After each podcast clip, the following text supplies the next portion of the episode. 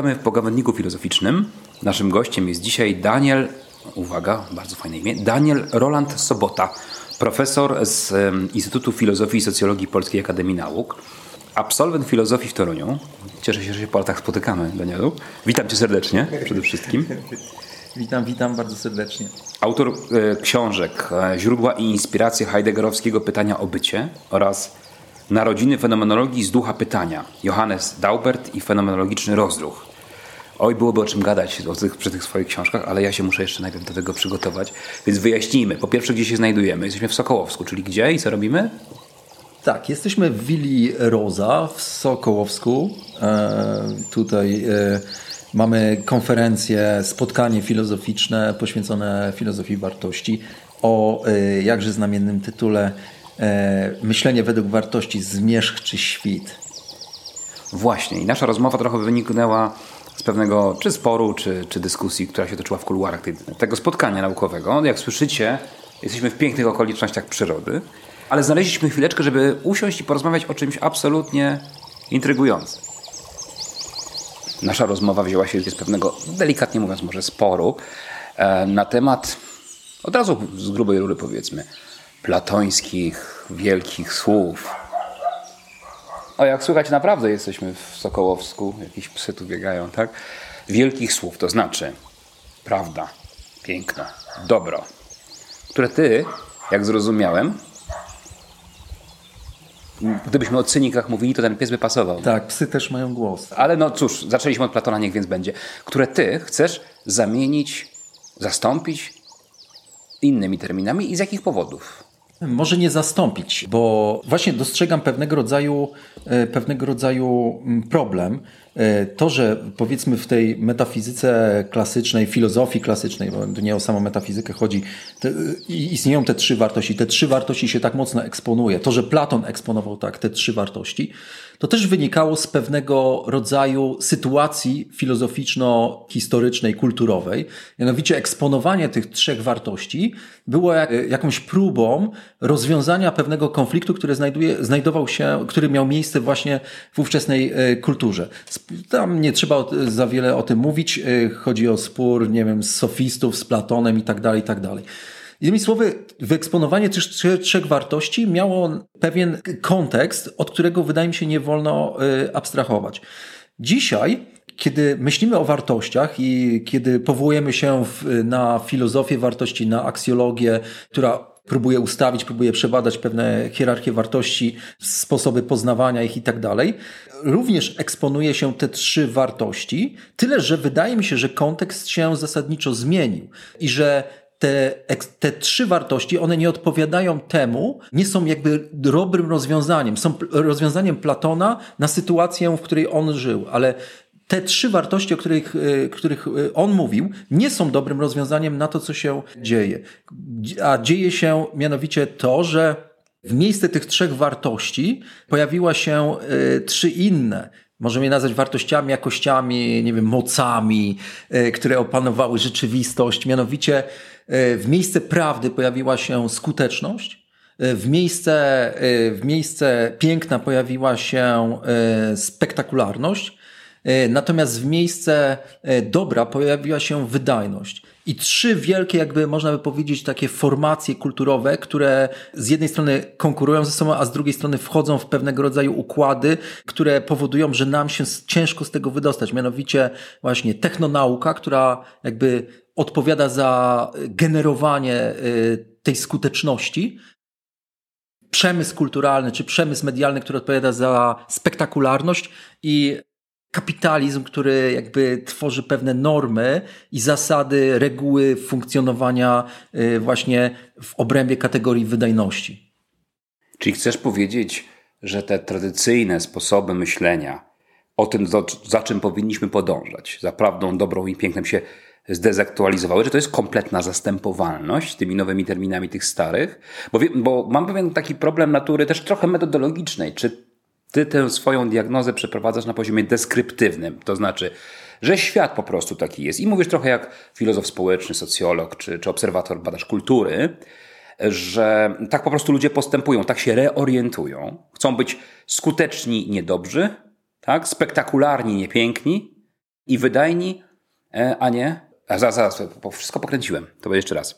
Spektakularni, niepiękni, wydajni, niedobrzy oraz skuteczni, skuteczni a nie prawdziwi. Tak, tak okej, okay, dobrze.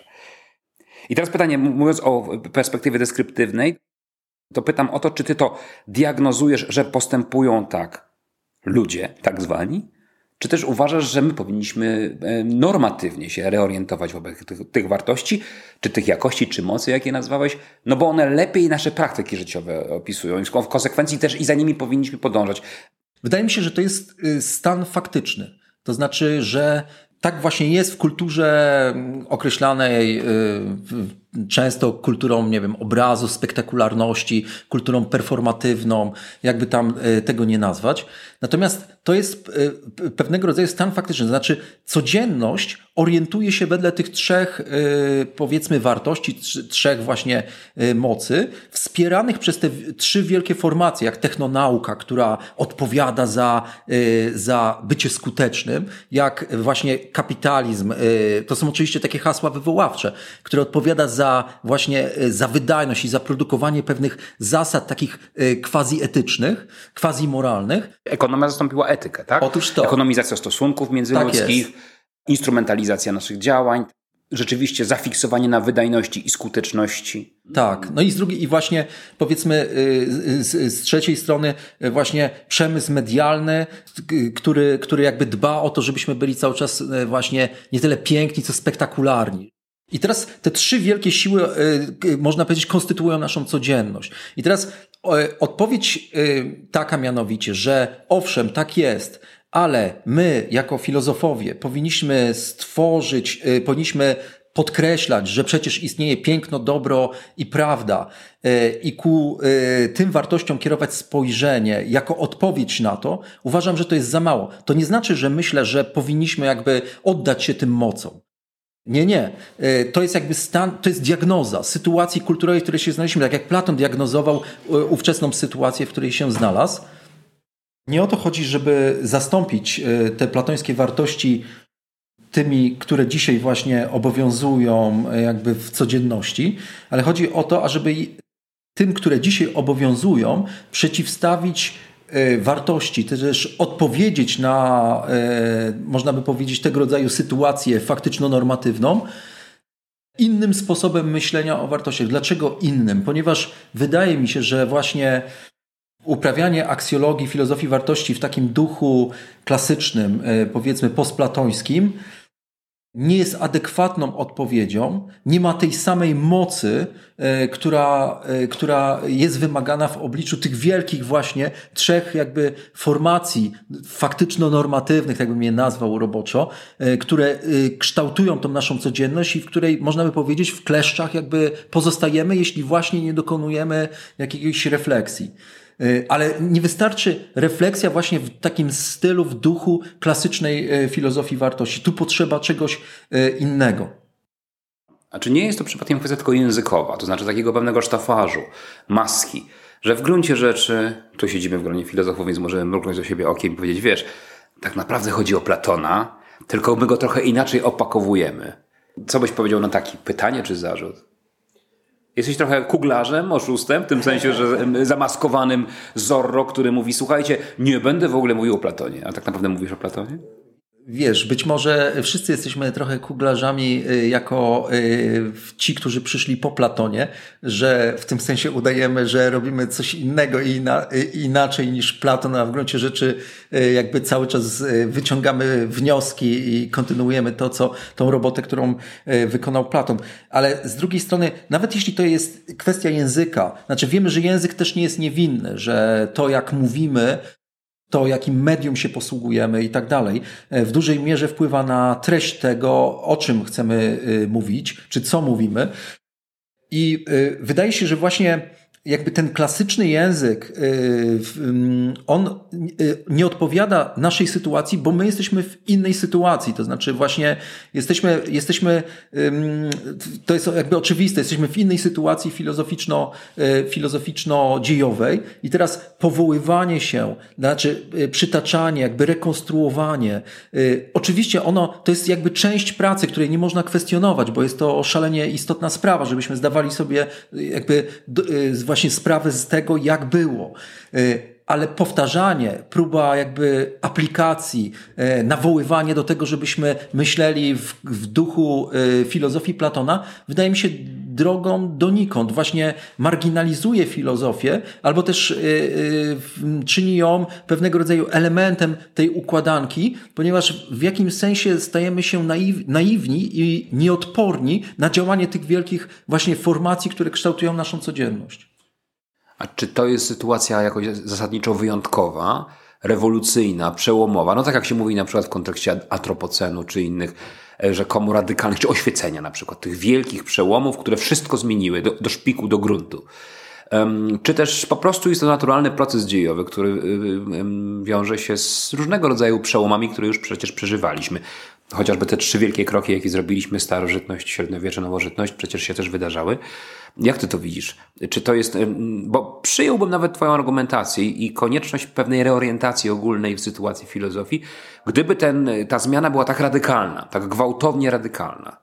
Ale znowu z tyłu głowy mam, mam też te zawołania Arystotelesa, który z kolei cytuje poetów w metafizyce. No już nie raz bardowie śpiewali fałszywą pieśń, już nie raz ogłaszano kryzysy i przełomy, Dlaczego ten miałby być wyjątkowy? Nie chciałbym tego rozpatrywać jakby w takich kategoriach komparatystycznych, że teraz będę te czasy porównywał do tego, co miało miejsce 100 lat temu, co miało miejsce. Raczej patrzę na to, y, okej, okay, dostrzegam pewne różnice, dostrzegam pewne podobieństwa, ale jakby odnoszę się do tego, co jest powiedzmy y, tu i teraz. I mm, największy problem, mam, mam wrażenie, który jakby problem że obojętnie czego właściwie teraz byśmy w filozofii wartości nie stworzyli, na jakie wartości byśmy się nie odwołali, rozbija się nie tyle o to, co mówimy, tylko o to, jak mówimy. To znaczy, wydaje mi się, że y, dzisiaj y, sprawa jest wyjątkowa o tyle, że stanęła przed nami sytuacja, której nie możemy pominąć i na tym polega wyjątkowość, że mianowicie musimy namyślać się głównie nad owym jak, a nie tyle co. I co to oznacza y, w praktyce? To oznacza, że y, powinniśmy zastanowić się, czy y, dalej kwestią filozofii jest mówienie i pisanie. Czy czasem nie jest tak, że cokolwiek nie będziemy mówić i pisać, jakkolwiek by to nie było różne od tego, co mówił Platon, będzie pozostawało w kręgu tego medium, które w jakimś sensie z perspektywy tych właśnie w sytuacji faktyczno-normatywnej, o której mówiłem przed chwilą, jakby nie daje rady. E, nie jest w stanie temu sprostać. Po prostu słowo i pismo w jakimś sensie straciło tą e, siłę, którą posiadało niegdyś w obliczu zmian, które dzieją się w świecie. Stąd też być może można uprawiać filozofię wartości w duchu Platona, ale trzeba to robić inaczej, mianowicie nie w medium słowa i pisma. A w jakim, przepraszam? Na przykład w medium dźwięku, w medium ruchu. E, w, mianowicie trzeba by zagospodarować inne, nie wiadomo z jakich względów. To jest e, w ogóle pytanie, które mnie nurtuje od e, dłuższego czasu i, i jakoś staram się ostatnio właśnie próbować różnych dróg. Mianowicie, dlaczego filozofia właśnie gdzieś za czasów Platona związała się z mową i pismem? Całkowicie porzucając inne y, performatywne, jeszcze u presokratyków obecne formy wyrazu doświadczenia filozoficznego. Pamiętamy, że przed Platonem to była w dużej mierze kulturalna, ale tak naprawdę zawsze filozofia y, korzystała z różnych form, y, będąc też działalnością pozauniwersytecką. Dopiero tak na dobrą sprawę, jeszcze w XIX wieku, wydaje mi się, że właśnie ona, wiążąc się z jednej strony z polityką, z drugiej strony ze sztuką, z trzeciej z religią, zawsze korzystała także z różnych form wyrazu, które te formacje, którymi te formacje dysponują. To jest ciekawe, że filozofia, która, natomiast, że dokończę myśl, w XX wieku nastąpiło coś niesamowitego. O tyle, jest o tyle sytuacja wyjątkowa, że właściwie nie uprawia się filozofii poza uniwersytetami, a to jakby jeszcze mocniej skonsolidowało filozofię wokół medium słowa i pisma. Słowa nieświeżego, delikatnie to wyrażę, co Herbert Schnellbach chociażby podnosi w swoim zarzucie choroby hermeneutycznej. Filozofowie nie filozofują, tylko czytają innych dawnych filozofów i komentują, tak? tak. I tu no, gotów byłbym się na ten zarzut zgodzić, ale powiem Ci szczerze, troszeczkę przez chwilę miałem nadzieję, że się porozumiemy. Popatrz, co my tutaj dziś robimy. Siedzimy i gadamy. Owszem, w kulturze oralnej znowu przedplatańskiej, no ale nie w piśmie podcast jest trochę inną formą. Zgodziłbyś się chociaż może trochę, że to, co my tu dziś robimy, to jest też jakaś inna forma performatywności filozoficznej? Zgodziłbym się, tak. Jak to jest ze skutecznością tej, tej komunikacji? Bo ja rozumiem też i kontakt ze sztuką, teatrem, muzyką, innymi formami wyrażania siebie. Ale może to, że jednak ciągle piszemy i czytamy, no i gadamy, tak. wykładamy, e, jest po prostu wynikiem tego, że znaleźliśmy w momencie rewolucji piśmiennej która jest zakodowaną kulturą oralną, chociaż nie do końca, że nie, nie znaleźliśmy lepszego narzędzia komunikacji przynajmniej idei filozoficznych. I to jest po prostu był taki, nie chcę powiedzieć, że świadomy wybór, bo tam nie siedli jacyś metodolodzy i powiedzieli, słuchajcie, od tej pory uprawiamy filozofię w piśmie, wcześniej w mowie. I nic innego się nie sprawdzi. Tylko to się jakoś wydarzyło. Ale czy te konkurencyjne sposoby komunikowania się, wyrażania filozofii, one rzeczywiście mogą dorównać pismu, mowie? Ciekawe jest to, co mówisz, y, ponieważ to pokazuje, że y, tak naprawdę decyzja o tym, w cudzysłowie decyzja właśnie, która nie zapadła y, filozofii, nie zapadła w filozofii, to znaczy, że to jest poza krótkim, krótkimi fragmentami z Platona, tak na dobrą sprawę niewiele istnieje filozofii, wewnątrz filozofii, namysłu nad środkami wyrazu filozoficznego. Oczywiście filozofia zawsze korzystała z różnych form wypowiedzi literackich. Y, ale zawsze trzymała się y, literatury, albo inaczej, zanim literatura była tylko jedną z form, póki filozofia całkowicie jakby nie skonsolidowała się wokół instytucji uniwersytetu czy szkoły wyższej, jakiejś w każdym razie. I odwróciła się od literatury, chcesz powiedzieć? Nie, odwróciła się od, od funkcjonowania w codzienności, bo o ile Platon, powiedzmy, uchodzi za tego, który jakby wprowadza filozofię na drogę pisma, to jednak nie można zapominać, że zarówno w starożytności, jak i w średniowieczu, ale i później, e, e, filozofia zawsze miała ten performatywny charakter, zawsze działa się, zawsze była właśnie, mówi się, sztuką życia. E, a więc coś sobą prezentowała także poza pismem. Natomiast utraciła ten walor, mam wrażenie, właśnie y, w dobie y, współczesnej, kiedy stała się tylko i wyłącznie produkcją tekstów i produkcją słów. No tu rzeczywiście mamy pewną, y, znowu, hiperkapitalistyczną, zekonomizowaną nadprodukcję. Tu się chyba możemy z tym zgodzić, chociaż nie musimy tym straszać naszych słuchaczy. To jest nasza wewnętrzna branżowa problematyka, jeśli tak można powiedzieć. Publikuj albo giń, a potem szybko zapomnij, że to coś napisałeś, bo musisz pisać kolejny tekst. I tutaj coś jest na rzeczy, ale ja mam wątpliwości, na ile ten twój radykalny krok da się zrealizować. Zgoda, jestem gotów przystać, że może poszerzenie naszej wrażliwości, komunikacyjności, tej pola komunikacji o nowe formy artykulacji, tak tu mogę powiedzieć, to jest rzecz interesująca, ale hmm, chyba nie chciałbyś postulować, a może tak, jakiejś radykalnej rewolucji, porzucenia pisma, bibliotek, e, tekstów naukowych, a nawet podcastów na rzecz, nie wiem, Mm, pantomimicznego, tanecznego pokazu idei dionizyjskiej Fryderyka Niczego na przykład. Jestem tego zdania, że można, że chodzi o rozszerzenie. Oczywiście tezy, które y, w tym momencie głoszę, one brzmią o tyle radykalnie i krytycznie, że właśnie odnoszę się do pewnego kontekstu. Y, natomiast chodzi o rozszerzenie i to jest, y, to jest jakby znakomita formuła. W tym rozszerzeniu oczywiście jest element krytyczny. To jest ciekawe, że filozofia, która od zawsze rościła pretensje do bycia uniwersalną, związała się, bardziej uniwersalną nawet niż religia, niż sztuka, niż polityka, które mimo wszystko działały lokalnie wedle, w, w, obrębie pewnych społeczności i opisywały świat, yy, odnosiły się do sił, bogów i tak dalej o charakterze powiedzmy lokalnym. Filozofia związała się z najbardziej mimo wszystko partykularną formą wyrazu, jakim jest język który jest zawsze językiem lokalnym. Gdy tymczasem religia, polityka, sztuka yy, dysponują wieloma różnymi formami wyrazu. Y, jeśli, dajmy na to, tak jak w przypadku religii, y, nie, mówię, nie, nie mogę mówić za pomocą y, słowa, nie mogę wyrażać się za pomocą pisma, odwołuję się do pieśni. Jeżeli nie do pieśni, odwołuję się do ruchu, do pielgrzymki na przykład, albo coś w tym stylu. Ostatecznie mogę zamilknąć. Tymczasem filozofia pozbyła się tych wszystkich form, które, mam takie wrażenie, one były jeszcze obecne w myśli tak zwanych presokratyków, czy ja bym je, ich wolał nazwać ostatnimi filozofami homeryckimi, e, którzy właśnie performatywnie podczas święta, uczty filozofowali e, językiem właśnie nieskodyfikowanym, aczkolwiek mający pewną kodyfikację o charakterze oralnym, e, podobnie jak to e, było w, w poematach Homera.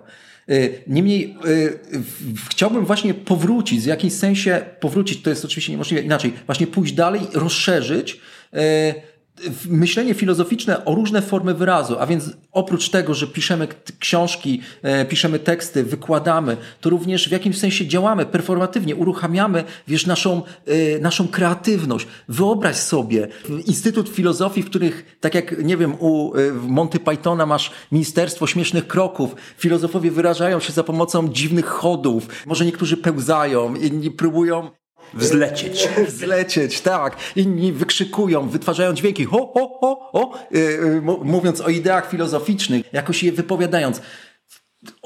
otwiera się tak niesamowita perspektywa, że po prostu przecieram oczy, wiesz, jak widzę to okiem duszy, co się dzieje wówczas. Yy, to zupełnie filozofia wchodzi na inny level. Jest w stanie wejść w świat, jest w stanie zmieniać ten świat w kontrze do tezy, róbmy swoje, nie oglądajmy się na świat, jak się rzeczy mają. Myślę, że właśnie tego rodzaju wejście i dlaczego y, w działanie y, performatywne, rozszerzenie filozofii tekstualnej o właśnie tą filozofię performatywną powoduje, że pojawia się także właśnie jakby y, pewna siła normatywna, która jest w stanie walczyć z tymi trzema formacjami, jak skuteczność, wydajność i spektakularność. Walczyć trochę językiem właśnie tych sił. Y, nie czymś archaicznym, anachronicznym, ale czymś właśnie współczesnym, czymś nawet, co wyprzedza te siły. I co z pewnością y, byłoby powodem do zazdrości. Y, mówię o systemie, który patrzyłby, jak tutaj te siły performatywne dla siebie wykorzystać. Słuchaj, świetnie się rozmawia, dziękuję Ci bardzo, ale niestety musimy wrócić na obrady, bo przypominamy, jesteśmy w Sokołowsku koło Wałbrzycha na konferencji o wartościach, a nasza rozmowa wynikła trochę na marginesie naszych sporów. Serdecznie Ci dziękuję. Bardzo jestem ciekaw, jak ten projekt Twój będzie się rozwijał. Nie, nie mam chyba aż takiej śmiałości, żeby teraz pójść i zatańczyć to, co chcę to powiedzieć. E, za chwilę w referacie być może, ale całe szczęście to, to, to podcast, niewiele tu widać. Dzięki Ci serdecznie. Dzięki wielkie. Pozdrawiam.